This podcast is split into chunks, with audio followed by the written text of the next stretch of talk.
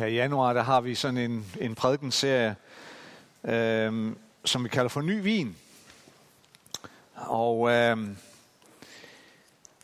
det er ud fra det her med, når Jesus taler om det her med, han, han, han udfordrer os på noget af det her med, at øh, der, er noget, der, der er noget nyt, og der er noget gammelt, øh, og, og det kender vi også til i en menighed. Det er også nyt og gammelt, øh, og, øh, og, og at være i skæringsfeltet mellem nyt og gammelt, det kan nogle gange udfordre os. Og øh, Jesus han går ikke ind og siger, at nu skal det alt sammen være nyt, og nu kan vi ikke bruge det gamle, eller han går heller ikke ind og siger, at det er kun det gamle, der dur, og det nye det vi ikke have overhovedet ikke. Altså, det er, begge dele er vigtigt. Øh, vi skal bare finde ud af, hvordan vi er sammen i det på en eller anden måde. Og han, det er der, hvor han siger det der med, at man hælder ikke en, en ny ung vin, fordi den er, den er voldsom, og den er kraftig i udviklingen. Den, den hælder man ikke på sådan en, en gammel vinsæk. Det var sådan, man, man opbevarede vin i den kultur. Øh, og det gør man måske til del stadigvæk. Man hælder ikke på sådan en gammel vinsæk, fordi så kan, så kan den sprække på grund af øh, den her unge vins kraftige udvikling.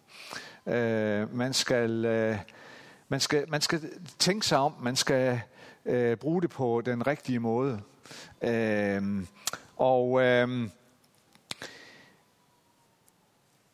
det her med at gå fra, fra et gammelt år til et nyt år, så det, det, er jo, det er jo sådan lige det, vi har, det er jo det, vi har gjort nu her for nogle få uger siden. Øh, det er også det, er også det, der, med, det er også det der skæringsfelt på en eller anden måde. Øh, og det her med at gå fra øh, at være i skæringsfeltet mellem noget gammelt og noget nyt, det kalder altid på følelser hos os. Og, øh, og efter følelser kommer der også reaktioner. Sådan er det. Øh, og teksten i dag, den er fra Matthæus evangeliet, kapitel 25. Og øh,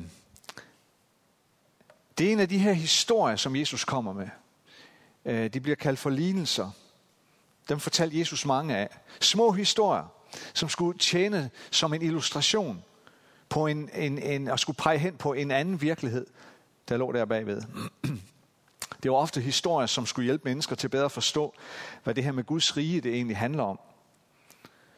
Og øh, i dagens historie, der fortæller Jesus om en mand, som skulle rejse udenlands. Han skulle være væk i lang tid og være langt væk. Og så kalder han øh, tre tjenere til sig. Og så betror han dem sin formue. Øhm, og de skal, simpelthen, de skal simpelthen tage sig af hans formue, mens han er væk. Øhm, og det var jo en enorm tillid øhm, at lægge det, man havde eller det han havde, og det lægger han i hænderne på tre forskellige mennesker. Den ene får fem talenter, den anden får to, og den sidste får en talent. Og vi ved ikke sådan helt præcis, hvor meget der er tale om. Men alene én talent øh, er en meget stor sum penge. Øh, så det er rigtig mange penge, vi taler om, som han betror tre af sine tjenere. Og Jesus fortæller om, hvordan de to første, jamen de går ud og de, øh, de øh, handler med de her penge, som de nu er blevet betroet. De handler med dem, eller de investerer, eller øh, hvad det nu er, de gør, og de fordobler summen af det, de er blevet betroet. Men ham, der har fået den ene talent, han gør jo så noget andet, og mange af jer kender den her historie. Øh, I stedet for at gå ud og handle, øh, så finder han, øh, så finder han skovlen frem, og og så graver han et hul, og så smider han pengene derned og dækker til igen. Og så kommer vi ind i historien. Lang tid efter kommer disse tjeners herre tilbage og gør regnskab med dem. Den, der havde fået de fem talenter, kom og lagde andre fem talenter på bordet og sagde, Herre, du betroede mig fem talenter. Se, jeg har tjent fem talenter til. Han sagde sig til ham, godt du gode og tro tjener, du har været tro i det små, jeg vil betro dig meget. Gå ind til din herres glæde. Også han med de to talenter kom og sagde, Herre, du betroede mig to talenter. Se, jeg har tjent to talenter til. Han sagde sig til ham, godt du gode og tro tjener. Du har været tro i det små, jeg vil betro dig meget. Gå ind til din herres glæde. Så kom også han, som havde fået den ene talent, og han sagde, Herre, Jeg kender dig som en hård mand, der høster, hvor du ikke har sået, og samler, hvor du ikke har spredt. Og af frygt for dig gik jeg hen og gemte din talent i jorden. Se, her har du, hvad dit er. Men hans herre sagde til ham, du dårlige og dogne tjener. Du vidste, at jeg høster, hvor jeg ikke har sået, og samler, hvor jeg ikke har spredt. Så burde du have betroet mine penge til vekselererne, så jeg havde fået mit igen med rente, når jeg kom tilbage. Tag derfor talenten fra ham, og giv den til ham med de ti talenter. For enhver, som har, til ham skal det gives, og han skal have overflod. Men den, der ikke har, fra ham skal selv det tages, som han har. Og kaste den udulige tjener ud i mørket udenfor. Der skal der være gråd og tænder skæren.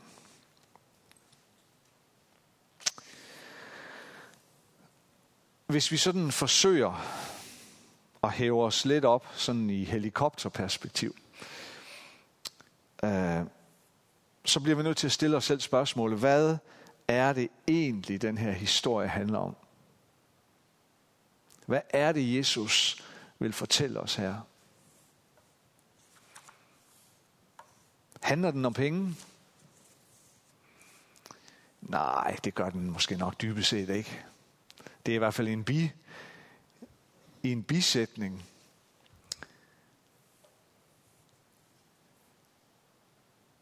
Jeg tror, den her historie handler om dit og mit hjerte. Jeg tror lidt, det er, det er dit og mit hjerte, der på en eller anden måde er hovedpersonen her. Jeg tror, den her historie dybest set handler om, hvad vi gør med det, vi er blevet betroet. Og det er åbenbart vigtigt for Gud.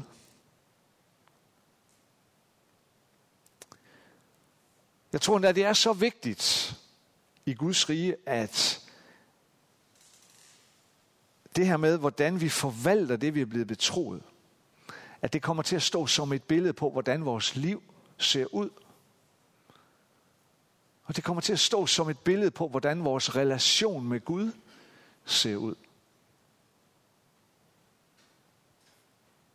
Eller med andre ord, at når Gud ser på dig og mig,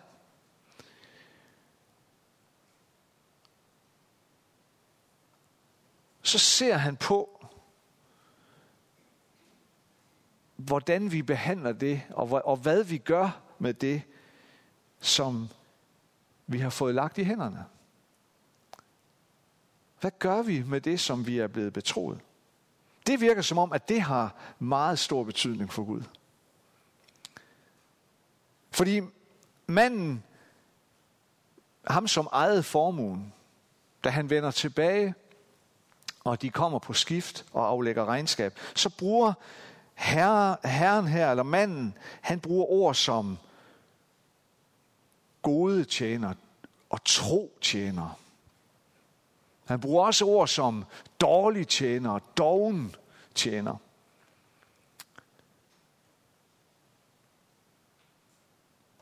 Da de kommer her på skift og aflægger regnskab for, hvad de har gjort med det, som han i sin tid lagde i hænderne på dem. Og så tror jeg, at budskabet her, det er, at vi har, vi har alle sammen noget. Vi er alle sammen blevet betroet noget. Vi har alle sammen fået noget lagt i hænderne.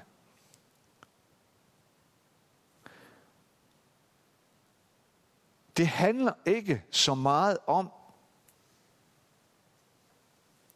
hvor meget vi har, eller hvor lidt vi har. Det handler langt mere om, hvad vi gør med det, vi har. Og det er der jo mange andre eksempler på, også i, i, i evangelierne. Øhm, den lille dreng, der kommer der, og der er 5.000 sultne mennesker, øh, mindst. Og så kommer han med sin lille madpakke der, ikke? med fem brød og to fisk. Til så mange. Men fordi han kommer med sin madpakke, det er det, det handler om, så er der 5.000 mennesker, der bliver mættet. Det handler ikke så meget om, hvor meget eller hvor lidt vi har, men hvad vi gør med det, vi har. Eller når Jesus fortæller om hende, den her fattige enke, der kom bare at lade nogle små mønter i, i øh, templets i tempelblokken, i der, hvor man samlede penge ind til templet. Og Jesus siger til sine disciple, hun har givet meget mere end alle de rige der, der kommer med store formuer. For hun har givet øh, af det sidste, hun havde. Så det handler ikke om, om mængden, det handler ikke om volumen. Det handler om, hvad vi gør med det, vi har. Det handler om vores hjerte. Det handler om dit hjerte, om mit hjerte.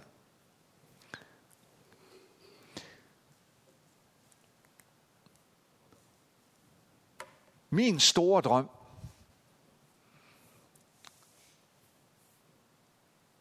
for vores menighed, for Belkirken, dem har jeg flere af.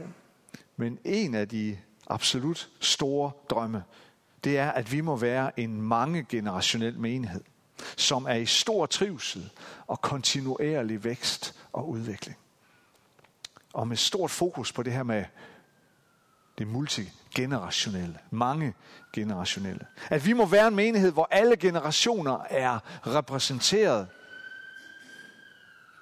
Og det har igennem historien, igennem Belkirkens historie, så, så, så er det og har været en stor værdi for os.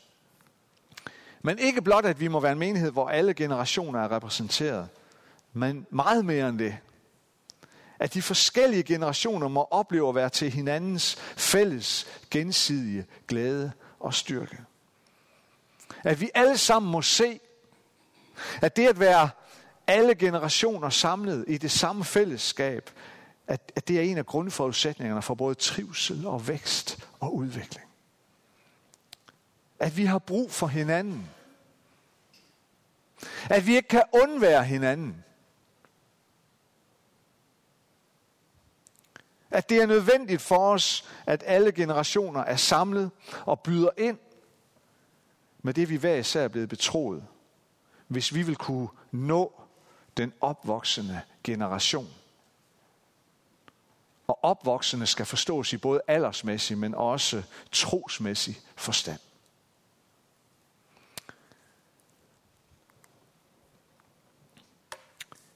Siden i sommer, der har, øh, der har, menighed, der har vi i menighedsrådet, der har vi udfordret hinanden til, at vi alle sammen læser øh, den her bog, som er afbildet der.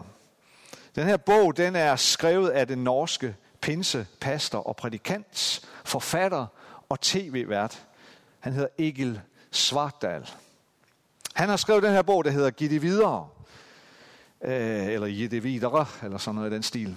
En menighed for alle generationer. Den her bog, den skrev han for 10 år siden.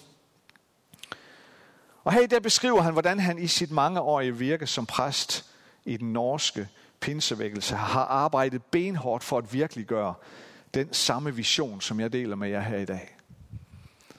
Hans store drøm om, at den her flere generationelle menighed må trives.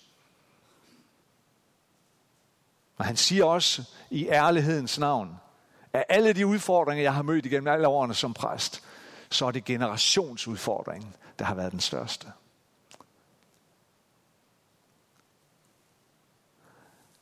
Svartdal, han skriver sådan her i forordet til bogen, og nu har jeg prøvet at oversætte det fra norsk. Jeg har prøvet og fejlet. Metoder og strategier er kommet og gået. Men jeg har prøvet at fastholde målet. At bygge en flergenerations menighed, som ikke går fra krise til krise, men lever i kontinuerlig vækst og udvikling. Skal det ske, må den findes relevant for nye generationer, som rekrutteres indefra, og som en kirke i tiden for kirkefremmede, som kommer udefra. Det er bedre at skabe en frivillig 10% forandring hvert år i 10 år, end at gennemgå en ufrivillig 100% forandring hver 10 år. I valget mellem en ønsket evolution og en uønsket revolution ved jeg godt, hvad jeg foretrækker, skriver Egil Svartdal. Jeg er enormt taknemmelig for, at hele menighedsrådet bærer på den her samme vision. At vi ønsker, at Belkirken skal være sådan en menighed. En menighed, hvor alle generationer er en aktiv og levende del af fællesskabet. Hvor alle generationer er med til at sætte både sit udtryk og sit aftryk på det liv, der leves her. Og her, her i 2024, og forhåbentlig også længere tid frem, der kommer vi til at have et stort fokus på den vision. Og det kommer forhåbentlig til at blive synligt og tydeligt for jer og for os alle sammen. Og det, det handler om, det er jo det, som, som både er titlen og temaet for Svartals bog. Og det er også det, der er budskabet i den her historie om de betroede talenter. At give det videre. At vi alle sammen er blevet noget betroet. Vi har alle sammen fået lagt noget i hænderne. Alle generationer. Uanset hvilken af generationerne du tilhører.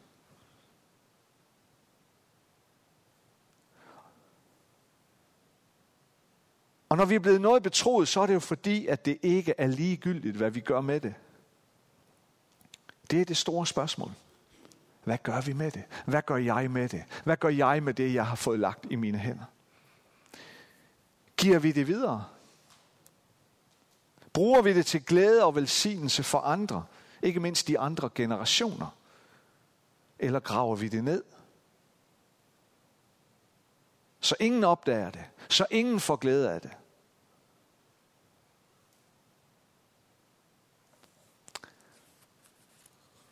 Hvordan skaber vi sådan en kultur, hvor vi elsker alle generationer?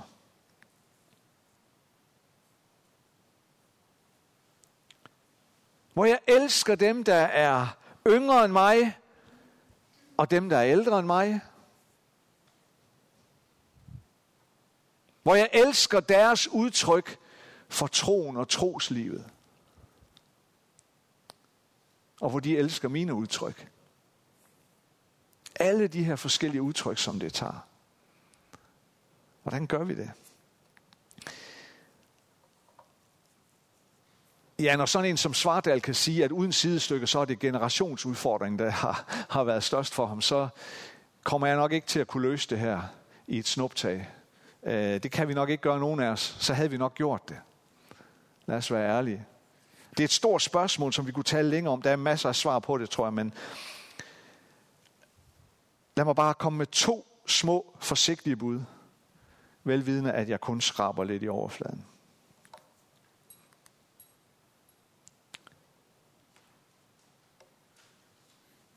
Jeg tror, det først og fremmest handler rigtig meget om vores, hvorvidt vores hjerte er vendt til Gud. Det handler først og fremmest om vores relation med Gud. Lige så vel som den her historie, som Jesus fortæller, den handlede jo om tjenernes relation til deres herre. Handlede ikke om volumen af det, de var blevet lagt i deres hænder. Så starter det og slutter det med vores relation med vores himmelske far. Prøv at lægge mærke til, hvordan, eller hvad ham med den nedgravede talent siger til sin herre, da han vender tilbage. Han siger, herre, jeg kender dig som en hård mand, der høster, hvor du ikke har sået.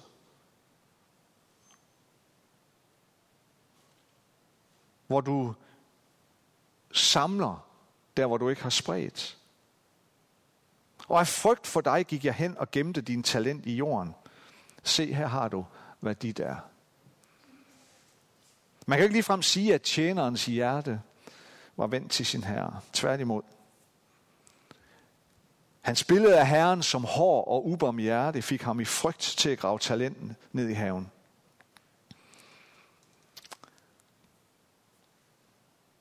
Prøv at høre her igen, hvad Svartdal skriver i sin bog. Jeg ved, at jeg ikke er verdens bedste far, men jeg ønsker at være verdens bedste far for mine børn. Jeg ved også, at jeg ikke tilhører verdens bedste menighed, men jeg ønsker, at det skal være verdens bedste menighed for de fortabte børn, som finder sit hjem hos os.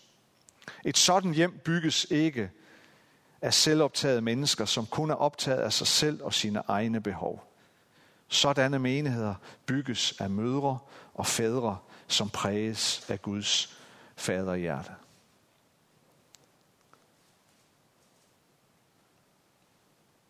Når vores hjerte er vendt mod Gud, så er det også vendt mod fællesskabet. Når vores hjerte er vendt mod Gud, er det også vendt mod fællesskabet. Den anden ting, jeg vil sige, det er, at det stiller os, hvis vi gerne vil, vil have sådan et, være sådan et fællesskab, så stiller det også store krav og vigtige krav til lederne i menigheden. Hvis der skal skabes sådan en kultur, hvor alle generationerne fagner og elsker hinanden. Her er klar og tydelig kommunikation meget vigtigt. At der er i menigheden en kontinuerlig formidling af det, som, som Svartdal også i sin bog kalder for hvorfor-faktoren. Det er enormt vigtigt. Det udfordrer først og fremmest mig som præst. Det udfordrer vores ledelse i menigheden. At vi hele tiden kommunikerer tydeligt. At vi hele tiden er i dialog med fællesskabet. At vi er verdensmestre i at forklare, hvorfor. At vi er verdensmestre i at fortælle, hvorfor vi gør, som vi gør.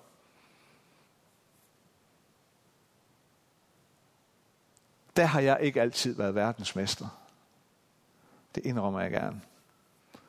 Der er plads til forbedringer.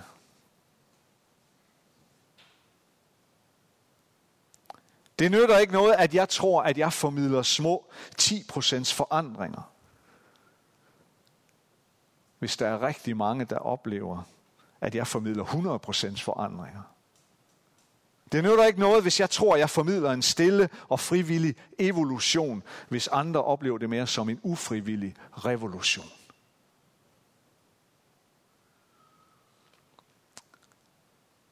Mit hjerte, og hvorfor faktoren, tror jeg er vigtig. Så det kalder på os alle sammen. Det udfordrer os alle sammen. Men det er min store drøm og vision. Jeg elsker den flergenerationelle menighed, og jeg ved, at rigtig mange af jer gør det sammen.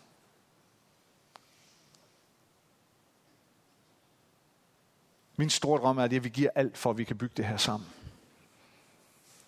Drømmen er, at vi begynder at forvalte de talenter, som vi alle sammen har, til glæde for hele fællesskabet. Til glæde for vores by, vores land. Min drøm er, at vi ikke falder for fristelsen til at grave det ned, men at vi giver det videre. For jeg har den tro, og den overbevisning, at jo mere vi giver det videre til de andre generationer, desto mere bliver det lagt i vores hænder. Præcis ligesom i den historie, Jesus fortalte. Du har været tro i det små, jeg vil betro dig meget. Gå ind til din herres glæde. Hvem vil ikke gerne gå ind til vores herres glæde? Hvem siger nej tak til den invitation? Det er belønningen for den, som vil give det, man er blevet betroet til de andre generationer. Belønningen er, at du, bliver lagt, du får lagt endnu mere i hænderne. Og så bliver du inviteret ind til Herrens glæde. Du bliver inviteret ind til et liv i glæde. En glæde, der, tror jeg, overgår enhver forstand. Det liv, det kan ikke kræves. Det liv, det kan ikke købes for penge. Det kan kun fås som en gave. Og det kan kun fås ved at give noget videre.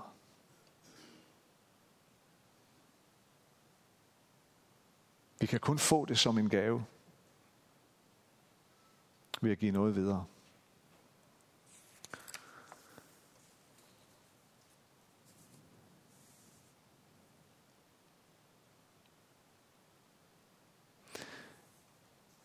Nu skal vi bede sammen. Og øh, jeg gik derhjemme i morges og tænkte, at jeg vil prøve at være lidt frimodig i dag. Øhm, fordi nu skal vi bede for generationerne. Svartdal, han, han, deler, han deler os op i fire generationer i sin bog. Han taler om børne- og ungdomsgenerationen fra 0 til 25. Så taler han om forældregenerationen fra 25 til 50, bedsteforældregenerationen fra 50 til 75, og oldeforældregenerationen fra 75 til 100. Så har han ikke taget flere med. Øh. Jeg kunne bare godt tænke mig, at vi skulle bede for de her generationer. En generation ad gangen. Og jeg ville gerne have haft børnene med hernede, men øhm, så må vi bede for dem på distancen. Vil I være med til det? Og jeg kommer til at udfordre dig, når vi når til din generation, at du tør rejse dig op. Og så alle vi andre, eller alle de andre, som bliver siddende ned, er velkommen til at strække sin hånd frem mod dig, som står op, for at vi kan velsigne dig og din generation. Vil I være med til det?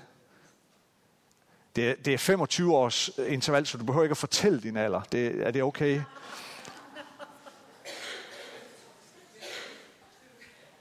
Så de 0 til 25 år, hvis der er nogen, det er der jo. Fedt. Kan I ikke rejse jer op? Og så alle vi andre, I strækker vores hænder frem mod de her vidunderlige mennesker, og så velsigner vi den generation. Far, vi takker dig for børne- og ungdomsgenerationen her i fællesskabet. Tak, far, for alt det, som de bringer med sig. Tak for alt dit nærvær til os igennem deres liv, far. Jeg beder for den opvoksende generation, far. Jeg beder dig om, at de må få lov til at opleve, at livet med dig, det sprænger alle grænser. At livet med dig er vidunderligt og fyldt med liv og kraft og glæde. For jeg beder dig om, at at, at de må opleve, at, at øh, det her, som kan være så svært for børn og unge i vores tid, den her øh, perfekthedskultur, som, som mange unge kan være præget af, der må de opleve, at troen på dig og fællesskabet her i menigheden, at det er en modkultur, at det giver noget helt andet. At det vi giver dem en fred og en hvile, fordi de får lov til at se på sig selv, som du ser på dem. Og de får lov til at opleve, at de er velsignet af dig, og derfor så bliver de og er de en velsignelse for andre, for os alle sammen. Styrk alle vores børn og vores unge her i menigheden, far, i Jesu navn. Amen. Tak skal I have. Far, så vil vi bede for forældregenerationen, de 25-årige til 50-årige. Far, tak for alle de mennesker i vores kirke, som er i, i den generation, at have børn, eller være på vej til at få børn, eller være i den fase på en eller anden måde. Far, jeg beder om din velsignelse over dem, far. Jeg beder dig om noget over deres liv til at, at bygge familie, til at skabe familie, til at etablere sig.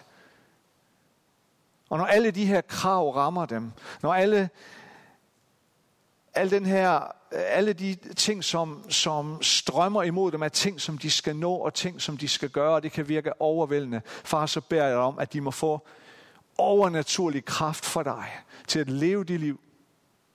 Uanset om de er singler, eller de er par, eller de er familier, hvor de er hen, far, de må opleve, at, at du er dem nær, og du styrker dem i den fase af livet, far. Du giver dem noget og kraft hver eneste dag, far. I Jesu navn. Amen. Og far, tak for bedsteforældregenerationen, de 50-75-årige. Far, den her fase af livet, hvor, hvor man kan opleve, far, at, at alderen og, og de mange levede år også begynder at, at, at have sin effekt på en. At der kan være ting med kroppen, hvor vi mærker, at, at man kan ikke, hvad man kunne engang. Men tak fordi, at der også er enormt meget erfaring og visdom knyttet til den generation. Tak for den, for den styrke, der er i det, far. Der er i den visdom. Tak for den nåde, der er over den generation. At vi har bedsteforældre. Og de også må at de, at de må være bedsteforældre, ikke kun rent fysisk og biologisk, men de må også være bedsteforældre for, for børn og unge her i kirken her. Åndelige bedsteforældre. Jeg beder om, du styrker dem, og du velsigner dem. Og du gør dem frimodige til at dele af den erfaring og det liv og al den indsigt og den visdom her, som du har givet dem. Så, så de er med til at velsigne menigheden endnu mere, far. Og de må opleve at blive velsignet. At, at de må opleve, at jo mere de giver ud, desto mere får de også lagt i deres hænder, far. Det bærer jeg om i Jesu navn. Amen.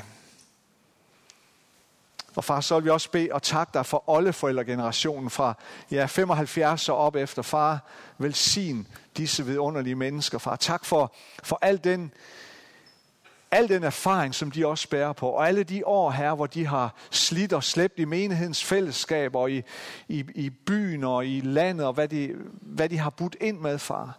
Og nu er de nået den alder, far, hvor det er, det er livets efterår. Men tak fordi, at efterår også er en vidunderlig årstid, fyldt med liv og kraft. Og må de også få lov til at opleve det, far.